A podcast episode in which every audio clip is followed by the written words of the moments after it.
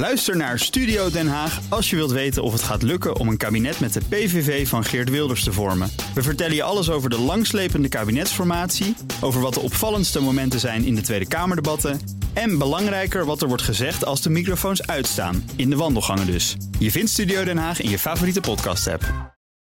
De column van Marianne Zwagerman.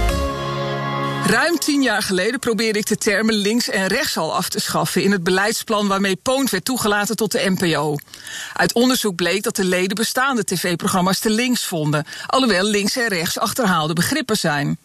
De termen zijn sindsdien alleen maar meer verwaterd. Er duiken steeds meer mensen op die zichzelf rechts noemen, waarmee ik niet in één hokje zou willen als fatsoenlijk rechtsmens. Wat niet helpt, is dat er nog steeds partijen zijn die GroenLinks heten of omroepen die zichzelf vrolijk rechts noemen. We hebben nieuwe termen nodig. Van neger zijn we na jaren zoeken ook afgekomen toen we van kleur allemaal een min of meer aanvaardbaar alternatief vonden. Gisteren gooide VVD Tweede Kamerlid Soher Al Yassini een balletje op in het debat met minister Slop over de aanpassing van de mediawet. In een felle uithaal naar NOS-hoofdredacteur Geloof zei El Yassini dat hij zich eens achter de oren moet krabben en moet nadenken over zijn eigen rol in de agressie van het publiek tegen de NOS-medewerkers. De veiligheid van journalisten ligt in de handen van de overheid en de samenleving, maar ook bij de organisaties zelf, zegt het VVD-Kamerlid. Hij vindt dat de NOS met twee maten meet en zegt: Ik mag toch hopen dat de hoofdredactie van de NOS ervoor zorgt dat ze altijd het beeld hebben dat ze onafhankelijk zijn en blijven. Dat hoopt hij misschien wel, maar hij weet dat het niet zo is.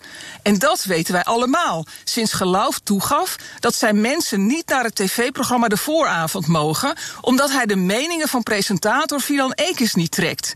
Of nou ja, dat zei hij niet, maar dat bedoelde hij wel. Ekis is niet links genoeg en te opinierend. Volgens El Yassini zegt de NOS daarmee: als het links is, dan is het pluriform. En als het rechts is, dan is het opinierend. En daar willen wij niks mee te maken hebben. Het debat werd trouwens afgebroken, omdat de corona-app de minister opdroeg per direct in quarantaine te gaan. Daardoor komen de wetsaanpassingen er misschien niet voor 31 december. En dan mogen Poont en WNL niet bij de NPO blijven, omdat ze te weinig leden hebben volgens de huidige wet. Is dat probleem ook weer opgelost? En blijft de NPO lekker pluriform? BNR ben je altijd als eerste op de hoogte van het laatste nieuws. Luister dagelijks live via internet. Bas van Werven. En heel langzaam komt de zon op rond dit tijdstip. Je krijgt inzicht in de dag die komt op BNR, het Binnenhof in Nederland en de rest van de wereld. De Ochtendspits. Voor de beste start van je werkdag. Blijf scherp en mis niets.